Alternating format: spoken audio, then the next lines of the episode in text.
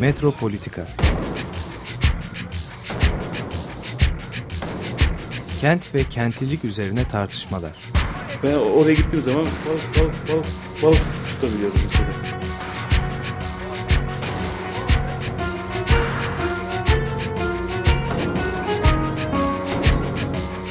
Hazırlayan ve sunanlar Aysim Türkmen ve Deniz Gündoğan İbrişim. Takusuyor ya. Kolay kolay boşaltamadı. Yani elektrikçiler terk etmedi Perşembe Pazarı merkezini.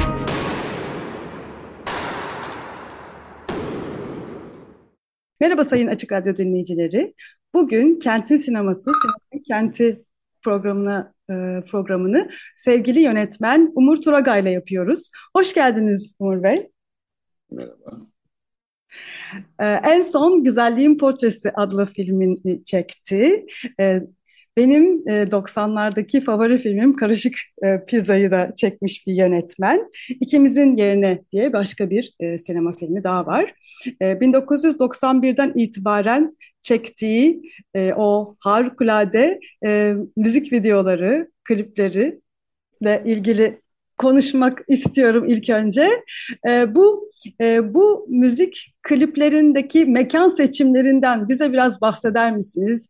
Daha çok böyle küçük e, kapalı mekanlar e, seçtiğinizi e, görüyoruz. E, bu mekanlar e, siz, sizin için neler ifade ediyordu? Mekan sizin için ne demek aslında? Mekan ne demek? Of. Mekan anlatmak istediğim şeyin çerçevesi diye düşünelim. Yani ne anlatmak istiyorsam veya hangi karakteri anlatmak istiyorsam o karaktere göre düşündüğümü mekan diye bakalım.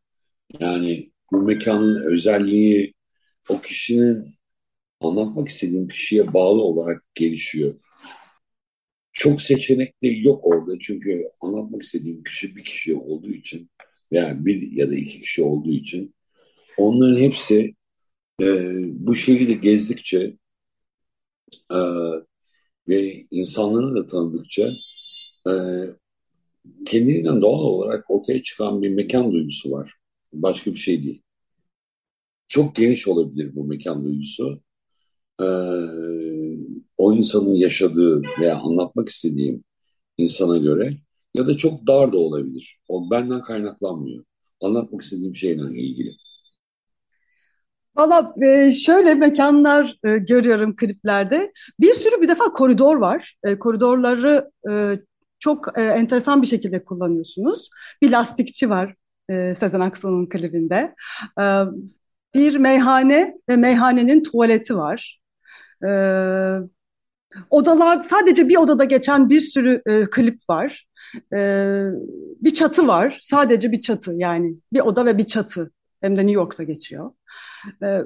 Böyle hani aslında böyle çok spesifik hani tek bir mekan gibi gözüküyor aslında. Neredeyse bir, bir koridorda çektiğiniz muazzam klipler de var. Bu küçücük alanlar bir anda o bahsettiğiniz sizin peşinize düştüğünüzü söylediğiniz karakterlerle beraber bambaşka bir şeye dönüşüyorlar mekanlar. Yani ışıklandırma yani çok çok hani böyle hani çok değişik bir ışıklandırma e, yani böyle farklı farklı ışıklar da kullanmıyorsunuz. Aslında neredeyse minimal diyeceğim ışıklar kullanıyorsunuz ama mekan bambaşka bir şeye dönüşüyor. Teşekkür ederim ama yani e, insan hayatı da zaten e, hayallerin dışında da sınırlı. Yani çoğu zaman bir tane mekan içinde yaşıyoruz. Koridorlar zaten bir yol demek. Yani bu koridordan geçersen başka bir yere varırsın demek. Koridorları kullanmamın nedeni o. Ee, ama eninde sonunda o koridordan geçerseniz bir odadan başka bir odaya geçmiş oluyorsunuz. Yani e, başka bir ifadesi yok bunun. Ee, kullandığım ışıklarsa e, mümkün olduğu kadar doğala yakın olsun istiyorum. E, çünkü bunun bir prodüksiyonel bir sorunu var. E, çok e, kısıtlı imkanlarla bu klipler çekiliyor. Ve o kısıtlı imkanlarla bu klipi çekerken de olabilecek en doğalına yani insanlara da ben de odadaydım diyebilecek kadar bir alan bırakmak istiyorum. Sen bu odada olsaydın demek yerine sen bu odadaysın, odadasın demek daha hoşuma gidiyor. E, o gerçekçilik benim işime yarayan bir şey. Çünkü seyirciyle de bağımı o şekilde kuruyorum. Yani e, estetik yerine şeyi tercih ederim. E, gerçekliği tercih ederim. Çünkü estetiği zaten biz, yani ben çok uzun seneler reklam çektim. E, ve bu e, reklamlarda satış için, yani marketing ve satış için olmayan bir estetiği biz çok kurguladık. E, satabilmek için. E, klipler benim kendi alanım. Bunları ben kendim finanse ediyorum. E, ve e, orada o gerçekliği, insana ait olan gerçekliği yakalamak e, daha ilginç geldi bana her zaman. Yani şeyden uğraşacak bir halim yoktu. E, bir satışla veya sanatçıyı pazarlamakla ilgili değil. E, emrine çalıştığım ve bir şekilde promosyonunu yapmak istediğim sanatçıyı da onun kendi doğal ortamında çekmeyi ve seyircisine de yakın olmayı tercih ettim. Bir nedenle e, seyirci kimdir sorusuna cevap arayarak geçiyor bu. Yani seyirci kimdir burada? İşte herhangi bir yerde şehrin, ülkenin, ülkelerin herhangi bir yerinde olan seyirciler bunlar. Ve orada ben bir ayrım yapamam. Yani sen bunu hak edersin, etmezsin, e, hayallerin bunlar olmalı diye davranamam. Sen busun demek daha hoşuma gidiyor. Şimdi e, İstanbul'un e, neredeyse bilindik o kartpostal e, manzaralarını, e, geniş o ma manzara panoramasını neredeyse hiç görmüyoruz sizin e, kliplerinizde Evet. olsun, filmlerinizde olsun. Ama bir yandan da e, kenti çok hissediyoruz. Bir küçücük koridorda da olsa, bir minicik odada, bir meyhanede, hatta bir tuvaletin içinde bile o kent hissini, yani kentin duygusu, modu, e, atmosferi oradan yakalanabiliyor, oradan hissedilebiliyor. Mekan denilen şeyi bambaşka bir şekilde yani yaşatıyorsunuz aslında, göstererek de değil. Evet ama yani bunu hepimiz yaşamıyor muyuz? Yani bir e, hepimiz bir gece bir meyhaneye gidiyoruz. Hepimiz bir gece bir kulübe gidiyoruz veya hepimiz bir arkadaşımızın evine gidiyoruz. Ve o e, gittiğimiz bütün mekanlar zaten şehrin içinde, mekanın içinde. E, arabayı kullanıyoruz veya toplu taşımayı ve en sonunda bir yere varıyoruz. Koridorun sonu diyelim. E, ve oraya vardığımızda da o mekanın her tarafını zaten gözlemleyerek veya yaşayarak e, bir şekilde içki içerek veya başka bir şekilde somutarak ne olursa olsun o mekanın zaten içinde oluyoruz. E bu mekanı hissetmemek mümkün değil. Yani e, tuvalet antim bir yer. Herkesin kendi başına olduğu bir yer. E, ben antim olanı seviyorum. Yani bir mekanı insanın kendisine ait olarak görmesini ve kısacık bir an bile olsa onu kendisine mal etmesi fikri benim çok hoşuma gidiyor. E, bu da şehri şehir yapan bir şey. Yani anonim bir yerde olsanız bile o birkaç dakikalık anonimlik size o şehri hissettiren bir şey.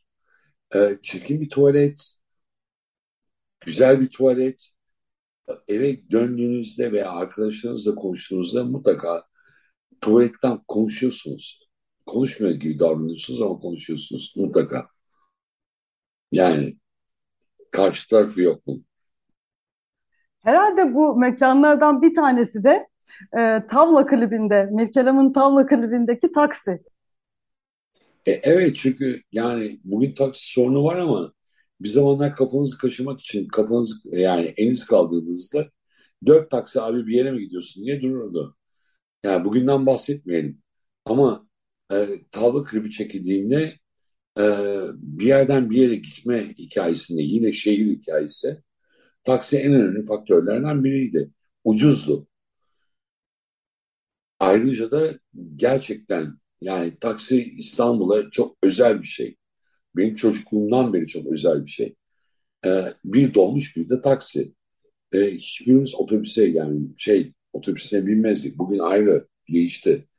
Ee, ama Yani dediğim gibi taksi çok ulaşılabilir bir e, yolculuk olanağıydı. Her yere, her maceraya taksiyle giderdiniz. Taksi gerçekten maceralar arası bir, bir ulaşım aygıtıydı. Artık öyle değil. O dönemi de herhalde İskender Paydaş'ın takside davul çalmasıyla aklımızda e, herhalde Ya, öyle yer edecek değil mi? Yani müthiş. Hani gerçekten ya evet ama yani öyle. taksi takside yani hepimizin ne kadar manyak hikayeleri olduğunu düşünürseniz ki bugün de halen devam, devam ediyor bu. Bulabilirsiniz taksi. Ama takside yani belli bir saatten sonra veya günün her saatinde farklı bir hikaye yaşarsınız. Taksiciyle konuşursunuz. Ee, çok sarhoşsanız taksiden kafanızı dışarı çıkartıp kusabilirsiniz. Ee, taksiyle bir yere yetişirsiniz, aşkınızı yetiştirirsiniz. Bomboş gezersiniz. Sür abi arabayı dersiniz. Yani taksi hakikaten önemli bir şey hayatımızda.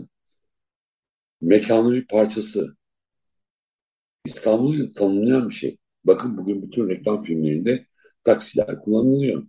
Yani Türkiye tanıtım filminde bile taksi kullanılıyor. Büyük şehirlerde olan bir şeydir. Yani New York'ta da öyle bir taksi duygusu var ama mesela Almanya'daki şehirlerde asla öyle bir taksi duygusunu yaşamam ben. Ee, Hayır. Aynen.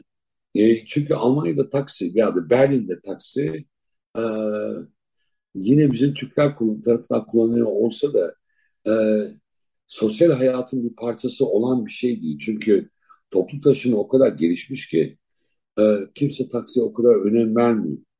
Bizde ise şehir çok büyük e, ve olanakları sınırlı ve bir şekilde bu acelecilik, bir yerden bir yere yetişme ihtiyacı, e, bir şey kaçırmama ihtiyacı zaten şehrin kendisini tanımlayan bir şey.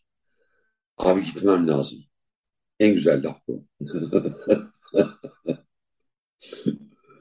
Şimdi bu hoş mekanlardaki e, kliplerdeki çekimlerde e, çok çok ciddi bir şekilde dansçılarla karşılaşıyoruz. Dans eden bedenler, sanatçılar da dans ediyor E, ve e, ışıkları üzerlerinde dans ediyorlar. Işıkları da üzerlerine giyinerek dans ediyorlar bazen.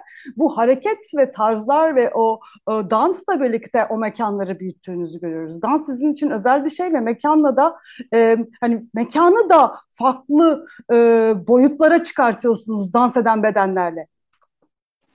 Ya şöyle bir şey, bir dansın vücut diliyle doğrusu bir ifade biçimine e, dayalı olduğuna çok inanıyorum. Yani bazen söz yetersiz veya da gereksiz kalıyor. İkincisi İstanbul o kadar kalabalık ki zaten bir şeyi seyrettiğiniz zaman e, birisinin omzundan kurtulmak, onunla çarpışmamak için belli bir şekilde bir dans hareketi veriyor. Kadınlarda mesela Pina Bausch'u seyrettiğimde İstanbul üzerine yaptığı olağanüstü güzellikte e, e, piyesinde e, kadınların saçları ve o saçlarla birlikte olabilme ve onun bütün etkileri üzerine yaptığı hikayede yine aynı şeyden karşılaşıyoruz. Yani İstanbul vücuduyla yaşayan bir şehir. E, ve burada da çok ciddi tatlı bir koreografi var. Yani hem birbiriyle çarpışmamak hem de birbiriyle çarpışmak üzerine kurulu. E, sokakta gezerken bunu görebilirsiniz. Yani e, ben bunu kullanıyorum. Büyük bir zevkten. E, bunu biraz daha abartılı olarak kullanıyorum. Bir de bu mekana veya sosyal ifade edemediğimiz e, durumlara karşı gerçekten dansın önemli olduğunu düşünüyorum. Meyhanelerde dans edilir. Kulüplerde dans edilir. Ee, kadınlar özellikle çoğu zaman istemeseler bile halay bile çekiyor olsalar bir yerden sonra e, kocalarına, sevgililerine, babalarına, kardeşlerine anlatamadıkları duygularını erkekler de aynı şekilde dansla ifade etmeyi e, tercih ediyorlar. Bundan çok nadir karşılaşıyor olsalar bile o nadirlik bana çok değerli geliyor. Ve bunun e, şehirde o kadar çok örneğini gördüm ki özellikle meyhanelerde, barlarında, sokaklarında e, ben bunu kullandım. İstanbul'da dans ediliyor. Ve gayet güzel dans ediliyor. Ee, İstanbul'un merkezini e, yani kendi küçük seçtiğiniz küçük mekanlardan bile hissettiriyorsunuz. Peki mesela çeperleri yani bu yeni İstanbul e, bu işte 2000'ler sonrası İstanbul üzerine e, şimdi düşünsek e, hani ne dersiniz bu hani artık sınırlarını taş sınırlarını aşmış başka e, etrafındaki şehirlerle birleşmiş bu genişlemiş İstanbul size ne canlandırıyor?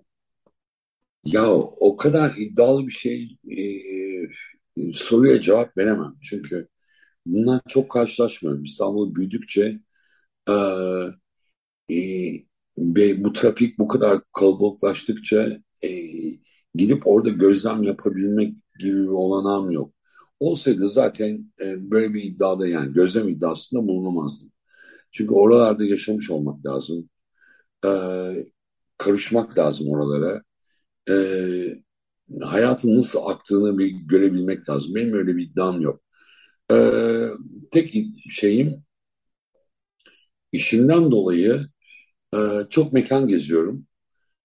E, gerek dizilerde gerek uzun metrajlarda ve bu mekanları gezerken ve ondan sonra bir mekana karar ver, verip de o mahallelerde bu geniş çeper dediğimiz yerlerde e, bulundukça bir fikrim oluşuyor ama bu sadece bir fikir olarak kalıyor. Oturup da oralar hakkında ve oralarda yeni yaşanmış hayat hakkında bir ahkam kesmek olmazdı yani böyle bir şey. Ee, ama onun çok küçük e, hücrelerinde bir takım fikrimler oluşuyor tabii ki. Ama bu da yine hayatın normal akışına karşı bir şey değil. Yani sonuç olarak insan her yerde hangi mekanda yaşarsın, yaşasın e, aynı insan yani aynı şeye ilerliyor.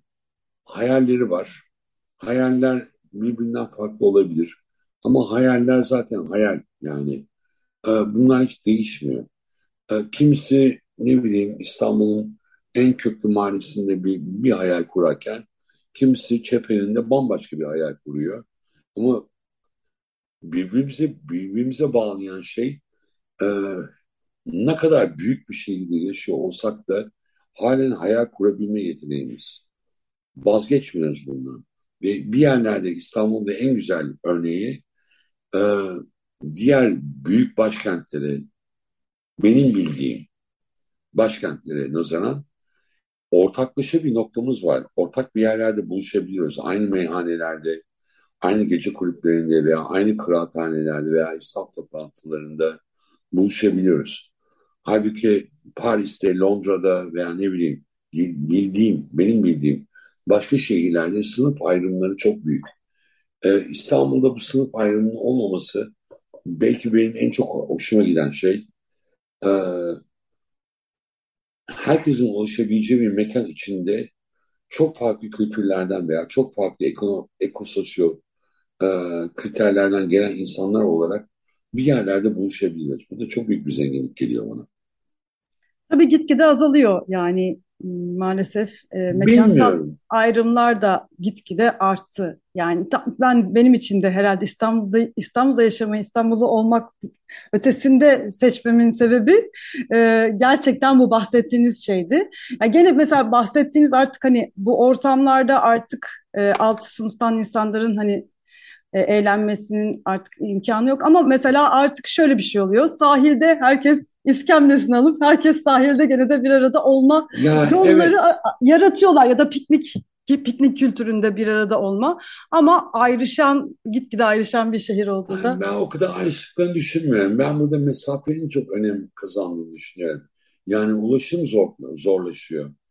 Ee, mesela sizi şu anda ne bileyim e, Florya'ya e, eğer İstanbul'un merkezinde yaşıyorsanız Florya'ya gitmek veya orada bir tane kebapçıya gitmek için e, tek zorlayan şey mesafenin ve oraya gitmek için harcayacağınız ve geri dönmek için harcayacağınız zaman. Halbuki e, eskiden böyle değildi.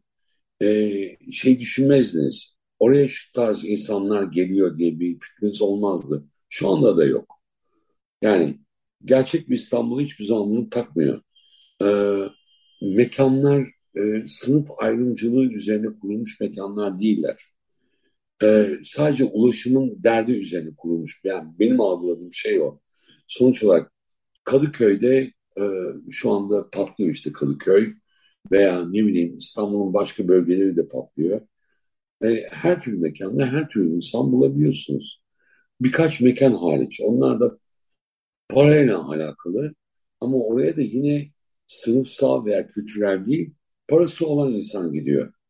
Ee, siz ben gitmiyoruz buraya çünkü çok pahalı diye ama e, sizin kabul olmadığınız sınıftan veya onu küçümsediğiniz sınıftan insanlar parası varsa orada karşılaşabilirsiniz bunlarla. Öyle bir dert yok İstanbul'da. Bunu engellemiyor. Ve İstanbul'un en güzel tarafı bu.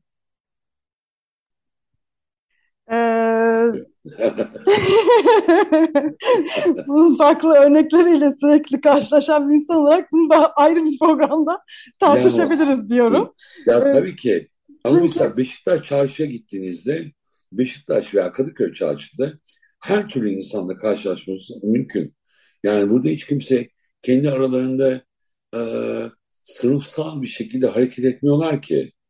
Yani benim sınıfım bu, sen benim sınıfımdan değilsin, sen nasıl burada olabilirsin gibi bir ayrım yapılmıyor.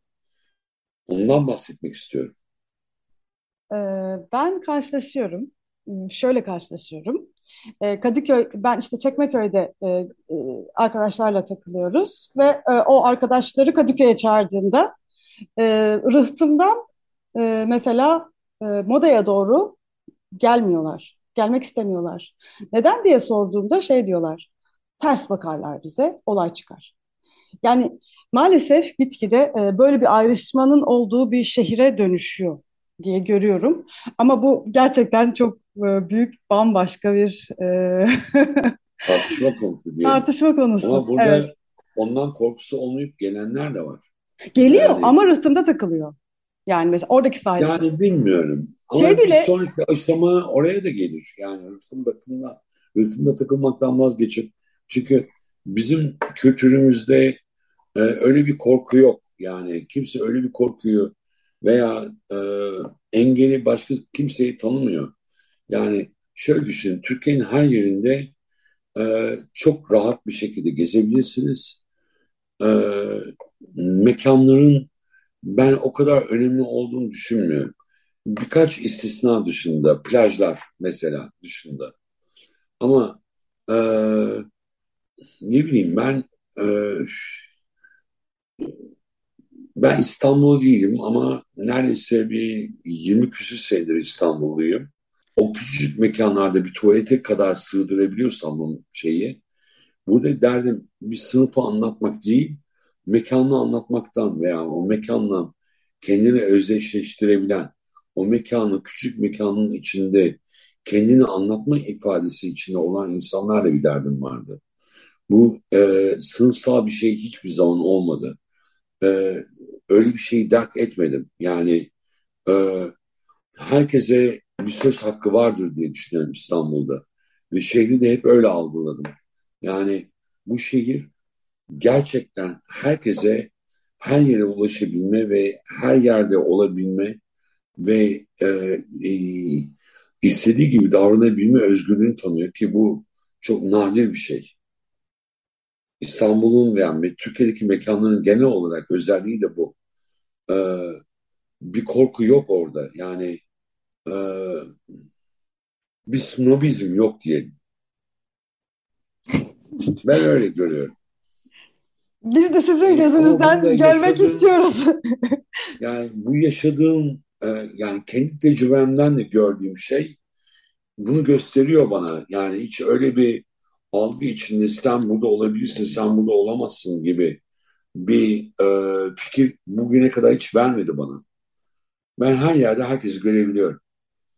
Hatta e, sen burada nasıl olabilirsin diyen insanları da görüyorum. Ama bunun hiçbir ne bileyim ben önemi yokmuş gibi geliyor. Çünkü oluyorlar zaten sonuç olarak.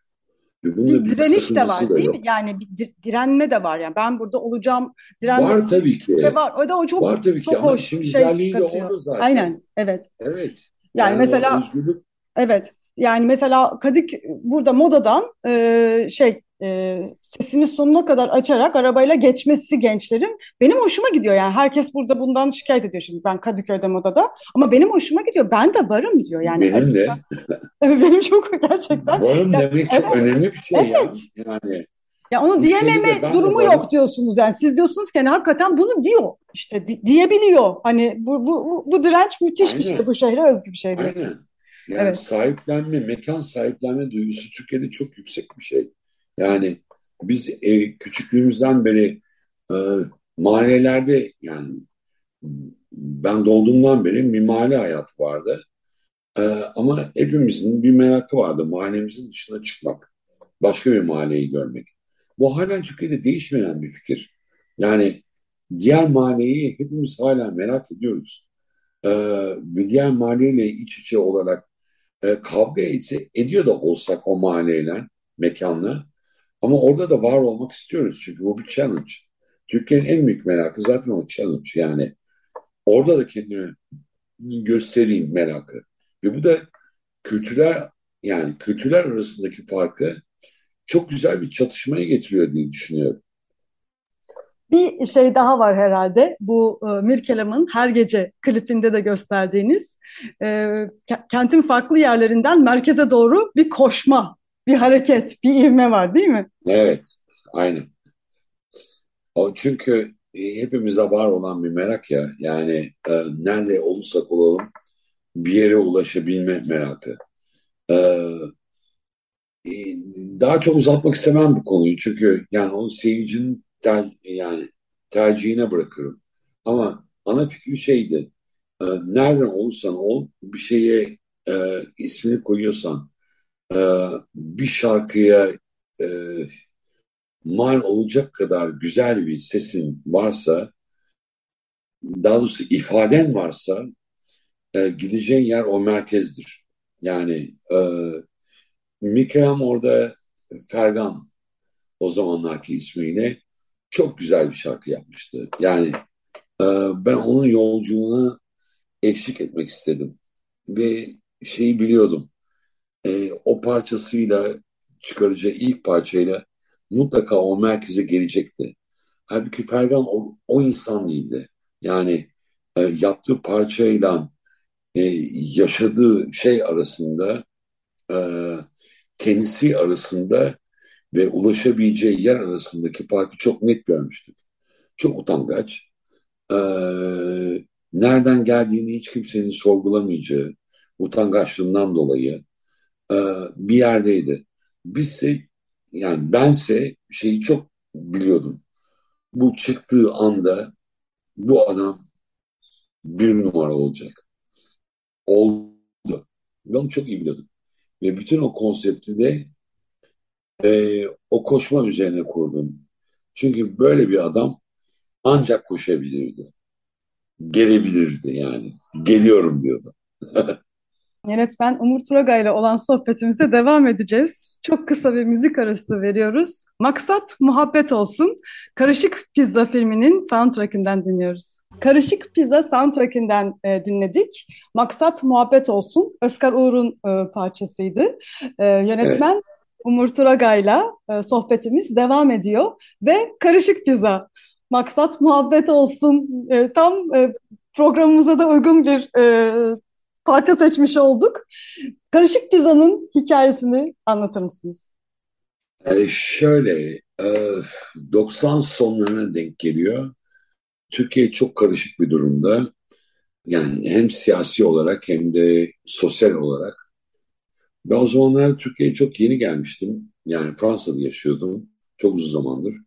Yani bütün kavramlar, ahlak duygusu, yüksek paraların kazanılması, ve e, algı e, ve aynı zamanda tanımlamalar da yani kimin neyle ilgili olduğu tanımlamalar da bir kafa karışıklığı vardı. Ben o kafa karışıklığını kendi kafa karışıklığımdan da karıştırarak yani kafam çok net değildi o zamanlar. Yani ne düşünmem gerektiğini çok iyi bilmiyordum ama sadece e, İstanbul'un o kadar hızlı büyümesini ve kimin neye doğru evrileceğini bilmediğim halde bunu çektim. Ee, orada bir e, eleştiri veya bir şey yok. Tamamıyla bir gözlemden kaynaklandı bu. Ve her gün okuduğumuz haberden tutun da insanların birbiriyle olan ilişkilerinde herkes kendini yeniden tanımladığı bir dünyada e, karışık pizza tabii ki yani bir pizza ne olabilir? Karışık olabilir yani başka bir şey olamazdı. E, ismi de oradan geldi. E, e, sonuç olarak yine hayaller hep e, daha iyi bir yerde olabilme, yırtabilme, para kazanma ve bu para kazanmayı da ahlaki olarak değil, doğru düz yoldan veya herhangi bir yoldan değil, amaç para kazanmak yani başka bir şey değil de kahramanlarımız da e, bütün yani karışık bize de anlattığım kahramanların her bir tanesi birbirine kazık atıyorlar. E, tek bir amaçları var. Para kazanmak. Yani o paranın kendilerine ait olması. Ve bunun altında da e, bir business fikri yaratıyor. Ve bu business fikrine ulaşmak için sanayici olmak veya bir şey üretebilir olmak bir fikir o dönemlerde e, business'a ait olarak ama bugün de mesela baktığımız zaman kim nereden para diye kazanıyor diye baktığımız zaman üretimden çok bir para kazanılmıyor. Şu anda finanstan para kazanılıyor. Yani e, mafyadan çok büyük bir farkı yok. E, paradan para kazanılıyor. E, o yüzden de o dönemde bu ciddi bir söylemdi. E, paradan para kazanmak hikayesiydi. Yani mafya bozuntusu birkaç kişi kendi aralarında aynı zamanda business de yapıyorlar, kulüp işletiyorlar. E, kara para aklıyorlar falan filan ama bir business var aralarında. E, kulüp işletiyorlar en azından. E, bir oradan buradan çaldıkları parayı buraya yatırıyorlar. İstanbul'da önemli olmaya çalışıyorlar. E, çünkü bu büyüyen bir şehir ve o şehrin prensi olmak önemli bir şey. Hükmetmek adına önemli bir şey ve saygın olmak adına önemli bir şey. Ama bunu beceremediler. Yani o kadar. Basit. Sanki hala devam ediyor değil mi? Yani hikaye bitmemiş gibi. Siz cevabını verin Yani ben 30 sene 30 sene yıkılıyor neredeyse değil mi? 30 Aynen, senelik bir film ve e, tam başında yani bütün bu büyük dönüşümlerin başında çekilmesine rağmen sanki ya, tabii ki kapitalist hayatımızı tabii ki. Ya tabii ki yani e, bizim o zamanlarda anlattığımız yani e, benim anlattığım e, işte 1900 kaçtı 97 senesiydi. E, daha halen e, finans sektörüne o kadar ciddi girilmemişti. Halen man yani felsefi olarak e, kapitalizmin tam içindeydik. Daha doğrusu katolik bir kapitalizmin içindeydik. Yani üretirsen veya protestan olarak üretirsen var, varsın fikrin içindeydik. Paradan para kazanmakla ilgili bu çok büyük bir fikir yoktu.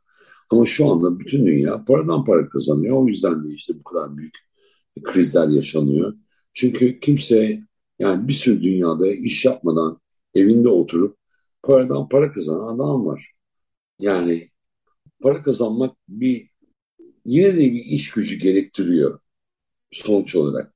Ama bir şey üretiyor musunuz karşılığında? Ah, bilmiyorum. Yani onu yatırımcı olarak giriyorsunuz bir takım startuplara veya herhangi bir şeye. E, yine de mafyadan çok fazla bir e, farkınız kalmıyor. Yani kazan parayı aklayabilmek için bir yerine yatırıyorsunuz. Ben bunu ilk başında denk geldim. E, paranın da o kadar aslında önemli olmadığını, çalınabilir olduğunu, e, bunun da yani para için her şeyin yapılabilir olduğunu anlatmaya çalıştım. Bugün de de zaten herkes para için her şeyi yapıyor. Yani bir farkı yok. Hayaller hala aynı yerde. Ee, Karışık Bize İstanbul'da geçiyor ama herhangi bir metropolde de geçebilirdi bir yandan da. Yani o dönemin metropolleri hatta bugünün metropol duygusunu da tam da dediğiniz gibi anlatan e, o özelliği vardı. E, bu da bence e, ilginç kalıyordu filmi. Yani yerel olduğu kadar yani yerel tabii ki İstanbul'da çekiliyor. O kadar yerel. Ya İstanbul'da Ama, o zamanlarda geçmesinin bir önemli bir noktası vardı. İstanbul veya Türkiye böyle yaşamıyordu. Ee, e, şöyle bir şey vardı. Biz daha farklı bir kültüre sahiptik. Yani aile kültürüne e, birbirine yani her zaman Türkiye'de tabii ki dolandırıcılar veya e, e, hırsızlar, e, çarpıcı insanlar mevcuttu. Daha öncesinden de mevcuttu. Bugün de mevcut. O kadar büyük bir fark yoktu. E, fakat şöyle bir şey vardı İstanbul'la ilgili. E, İstanbul'da parasız yaşayabilirdiniz. E, e, çünkü o aile veya mahalle kavramı o kadar genişti ki e, şu anda da halen bir takım semtlerde bu devam ediyor ama eskisi gibi değil artık yani o yardımlaşma veya ben parayı vurdum sen de faydalan durumu artık iyice aza indirgeniyor gibi geliyor bana. Yanlış düşünüyor olabilirim. Ee, burada beni düşünmeyenler veya sosyologlar beni affetsinler. Ee, ama daha bireysel bir noktaya geldik. Yani e, bu maneli olma fikrinden çıkıp daha globale veya daha bir metropole yakışan e, bir duruma geldik. Yani herkes kendi başının çaresine bakan duruma geldik. E, benim düşündüğüm şey bu. O yıllarda ben o bireyselliğin ben seni nasıl denir e, takmam kardeş daha kötü bir laf edecektim ama takmam kardeş ben kendi yoluma devam ederim min ilk egoist örneğini verdim diye düşünüyorum. O kadar. O dönemde gerçekten bu hissi yakaladığımız filmdi. Bugün ise başka bir janrayla, e, janra filmle karşılaşıyoruz. Korku filmi. Güzelliğin portresi filmiyle e, korku janrında bir iş yaptınız ve e, bir yandan da benim e, için hani sizin tarzınızı e, bildiğim ve gördüğüm ve e, ilk filmden beri takip ettiğim için hiç şaşırtıcı olmadı. Çünkü o ekspresif e, dilinizi, görsel dilinizi e, çok iyi yansıtabilecek bir janrı olduğunu e, düşünüyordum. Hatta bu janrada e, kim çekse, kim korku filmi çekse diye sorsalardı ben sizi söylerdim herhalde. Güzel Güzelliğin Portresi filmi mi biraz dinleyebilir miyiz? Ya Güzelliğin Portresi filmi e, tamamen kendi kişisel korkularından yola çıktı. Yani e, kim beni tehdit ederdi? Bir, yine bir insan tehdit ederdi. Yani benim dışımda e, e, ne bileyim e, korku dünyam tamamıyla yine insanlarla alakalı bir şey. E, onun dışında e, var olmayan e, kanıtı olmayan güçlerle ilgili bir derdim yok. Ee, kimden korkardım? Evime giren bir insandan korkardım. Benim hayatımı tehlikeye atacak, şantaj yapacak veya ne bileyim e, bana direkt zararı olabilecek bir insandan korkardım. Benim korku dünyam böyle. Ee, o yüzden de mesela o paranormal aktivite falan tarzı hikayelerden ben bir korku filmi üretemem. Yani bazıları üretebilir ama bunun benden bir alakası yok. Ee, herkesin korkusu kendinedir diye düşünüyorum. Benim korkularım dediğim gibi tamamen insana bağlı. Ee, insan korkutucu bir yaratık. Çünkü insan hakikaten e, korkunun jeneratörü gibi geliyor. E, kabuslar insandan kaynaklanıyor. İnsanın hırslarından, insanın yalancılığından, insanın dolandırıcılığından e, ne kadar sizin hayatınız üzerinde hükmetme kabiliyeti olmasından kaynaklanıyor. Benim korkularım bunlar. Ben bunun üzerinden gittim. O intikam hırsı olsun, e, duygusallıktan olsun, e, akılcı olmayan, insanı yine kendiyle karşılaştırabilecek, insanın kendisinden bile korkutucu öğelerden bahsetmek istedim. Yoksa o paranormal aktivite falan filan yani bana bir şey geliyor. Çok fantastik dünya geliyor. Ben öyle bir şey yapamazdım zaten. Korku filminin mekanı yani o mekanı oluşturmak e, yani o korkutucu şeyi hissettirmek aslında en önemli şeylerden bir tanesi değil mi? Yani Ev, çok evin büyük bir kendisi. evet ev yani mekan olmadan korku e, yani olmaz herhalde. Olmaz, olmaz. O bir dar alandır. Yani sizin sıkıştığınız alandır. Nereye kaçarsanız kaçın bir mekanda mutlaka bir köşeye sıkışırsınız. Onun da en güzel ifadesi bence evin kendisi. Yani bu mahalle veya ne bileyim 20 milyonluk bir şehir de olabilirdi. Olabilir. Ee, ama ben orada e, yani senaryo gereği e, şehrinden daha ziyade bir evi tercih ettim. Çünkü hikaye öyleydi. Ee, ama bir tane daha korku filmi çekiyor olsam gerçekten bunu hiçbir yere kaçamazsını da anlatmayı çok isterdim. Yani belki bir tane daha çekerim bir korku filmi. Meraklıyım çünkü korku filmi çekmeye. Ee, insanın hiçbir yere kaçamayacağı bir hayatı vardır. Bu mekanlarla da ilgili. Ee, ama aynı zamanda da insan kendi hayatından yani kendi iyi bildiği yer, mekandan bahsediyoruz. Sığınabileceği yerler sınırlı. Herhangi bir yere gidersem ben orada rahat ederim, kendimi güvenli hissederim gibi duygusu mutlaka oluyor. Olabilir miydi? Onu bir sorgulamak gerekiyor. Güvendiğin dağlara kar yağar hikayesi. Başka korku filmi e, bekliyoruz o zaman. İnşallah diyelim. Yani bir kere daha denemek istiyorum bunu. Çünkü e, çok güzel bir tarz. Yani çok enteresan bir tarz. Ee, bir daha denemeyi gerçekten çok istiyorum. Ama bir daha yani son bir tane olur. Çünkü ben ne bileyim korku filmi iyi becer, becerebiliyor olmak seyirciyle benim aramda geçen bir hikaye. Ee, onu bir kez daha merak ederdim. Becerebiliyor muyum? Çünkü önemli olan gerçekten e, korkutabildim diyebilmek. Yani mesela e, en iyi seyircim oğlum ve onun arkadaşları çok gençler ve bunlar hepsi korku filmlerini tabii ki her genç gibi çok meraklılar. Çünkü onlar için bu çok ciddi bir eğlence, bir entertainment. Yaptığım işi onlara seyredip başardım mı görmek benim için çok önemli bir şey. Yani dünyadan gelen her türlü korku filmi seyredip e, dalgasını geçerlerken benim yaptığım bir işten korkuyorlar mı, korkmuyorlar mı? E, on, onlar filmi seyrederken ben onları seyretmek çok hoşuma gidiyor. Evet, yani istediğim yerde onları manipüle edebildim mi? E, sıçratabildim mi? E, o korku öğelerini iyi kullanabildim mi?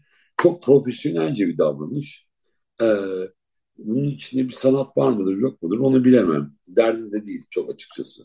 Yani e, sadece ben bir şeyi çektiğim zaman amacıma ulaştım mı ulaşmadım mı görmek çok hoşuma gidiyor. Hep dar mekanlardan, işte evlerden, odalardan hatta tuvaletlerden e, bahsettik. Bu korku filminiz de işte evde geçiyor. Bir evin hikayesiydi. Ama ben şimdi bir başka bir e, şey de söylemek istiyorum. Burada mutlaka konuşmak e, gerekiyor bence. Çakkıdı, e, Kenan Doğulu'nun Çakkıdı klibi.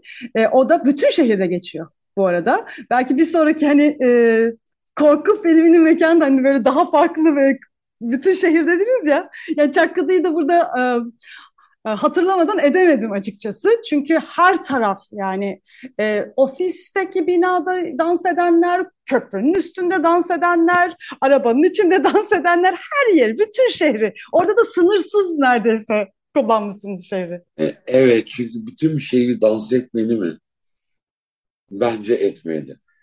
Yani e, e, bu bir mutluluk kapı falan filan değil. Yani e, dans edebileceğimiz e, tonla neden ve tonla mekan var. Bu mekandan sınırlı bir şey değil.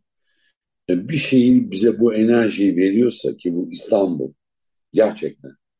E, benim bildiğim şehir burası. Yaşadığım şehir. Ve ben bu şehrin her yerinde ben kendim dans ettim. Sokağında herhangi bir saatinde dans ettim. E, arkadaşlarımla.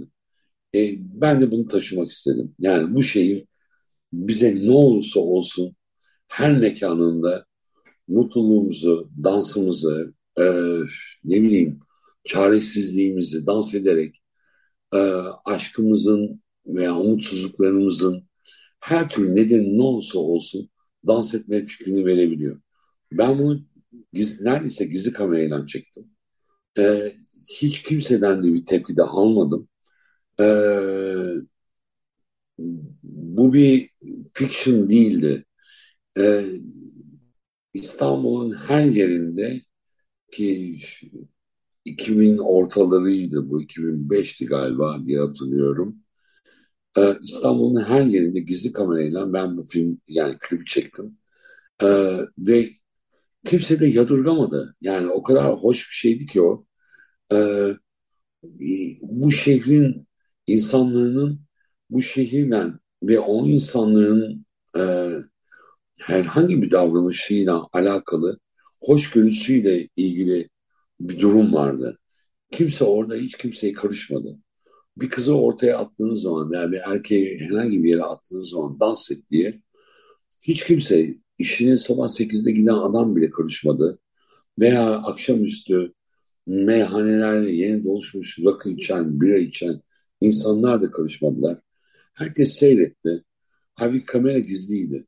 Ve en güzel tarafı da yine onu demek istiyorum. Yani İstanbul öyle bir imkan tanıyor ki kimse kimsenin e, hayat tarzına aslında o kadar bulaşmıyor. Onun gerisinde anlatılanların veya algı operasyonlarının hepsi palavraymış gibi geliyor bana. İstanbul çok özgür bir şehir. Herkes her istediğini yapabilir bu şehirde. Yeter ki kötü olmasın. Yani o kadar. Sevgili Umur Turagay, çok çok çok teşekkür ediyoruz. Gerçekten. Ben çok teşekkür ederim. Ee, bütün o kliplerde yaşattığınız o fantastik e, dünyanızı bizimle paylaştınız. Kenti yeniden bizim için de dans edilecek bir mekan haline çevirdiniz. Çok çok teşekkürler. Tekrar tekrar Evet. programlarımızda bekliyoruz. İnşallah diye. Evet sevgili dinleyicilerimiz, Umur Turagay, yönetmen Umur Turagay ile olan programımız şimdi sona erdi. İyi haftalar diliyorum.